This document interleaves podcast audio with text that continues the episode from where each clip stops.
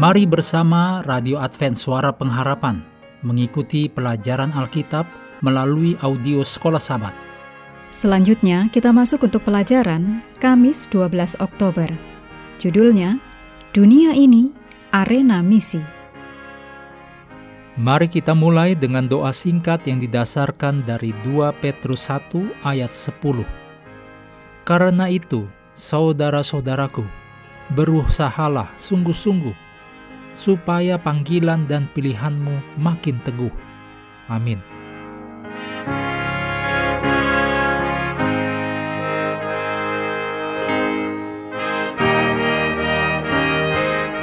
Dalam Wahyu 7 ayat 9 dan 10 disampaikan oleh ayat ini sejauh mana cakupan penjangkauan secara geografis dari misi Allah.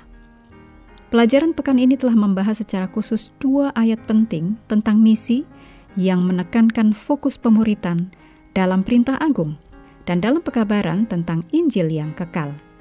Menariknya, kedua ayat itu memiliki paling tidak satu poin yang saling berhubungan, yaitu di mana misi itu dilakukan.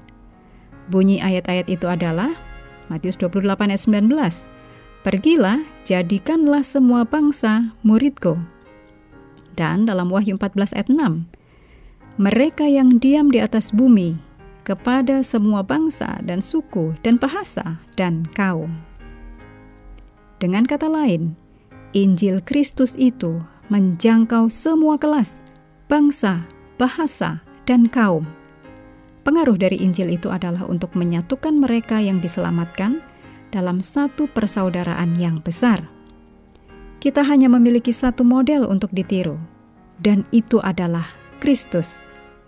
Jika kita menerima kebenaran sebagaimana itu ada dalam Kristus, prasangka dan kecemburuan secara bangsa akan dihancurkan, dan roh kebenaran akan menyatukan hati kita. Ketika Yesus mengatakan, "Kamu akan menjadi saksiku," dalam kisah 1 ayat 8, ada tiga bagian geografis yang berbeda dalam pikiran Yesus. Bagian pertama, kamu akan menjadi saksiku di Yerusalem. Pada waktu itu, murid-muridnya sangat dekat dengan Yerusalem.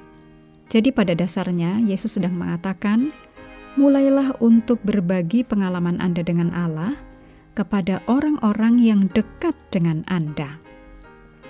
Misi dimulai dari rumah, kepada keluarga, kepada tetangga-tetangga, kepada teman-teman. Ini adalah tempat yang paling utama dari misi. Bagian kedua, Yesus kemudian melanjutkan di seluruh Yudea dan Samaria. Misi kita juga termasuk kepada mereka yang kelihatannya dekat dengan kita dalam beberapa hal, tapi di saat yang sama mereka jauh dari kita. Yang termasuk dalam kelompok ini adalah orang-orang yang mungkin berbicara bahasa yang sama dengan kita, orang-orang yang memiliki kebudayaan yang sama, tetapi tidak tinggal atau hidup dalam realitas yang sama dengan kita. Ini adalah daerah misi kita selanjutnya. Bagian yang ketiga, lebih jauh lagi, Kristus mengatakan, "Dan sampai ke ujung bumi." Misi Allah memanggil kita untuk menjangkau pribadi-pribadi dari segala tempat bangsa-bangsa, kelompok-kelompok orang, bahasa, dan etnis. Ini adalah area terakhir dari misi kita. Tantangan: berdoalah setiap hari sepanjang pekan ini bagi masyarakat di mana Anda tinggal. Allah telah menempatkan Anda di sana untuk sebuah alasan atau maksud. Tantangan lebih besar: buatlah penelitian demografis di area di mana Anda tinggal Maksudnya adalah keadaan orang yang tinggal di sekitar Anda, latar belakang suku dan agama. Tua, muda, miskin, kaya, bahasa yang digunakan, dan sebagainya. Mintalah kepada Allah untuk menunjukkan bagaimana Anda bisa menjadi sebuah saluran kasih Allah bagi mereka yang di sekitar Anda. Mengakhiri pelajaran hari ini, mari kembali ke ayat hafalan dalam Matius 28 ayat 19. Karena itu pergilah, jadikanlah semua bangsa muridku, dan baptislah mereka dalam nama Bapa dan Anak dan Roh Kudus. Kami terus mendorong Anda mengambil waktu bersekutu dengan Tuhan setiap hari, baik melalui renungan harian, pelajaran sekolah sahabat, juga bacaan Alkitab sedunia, percayalah kepada nabi-nabinya, yang untuk hari ini melanjutkan dari Amsal 9. Tuhan memberkati kita semua.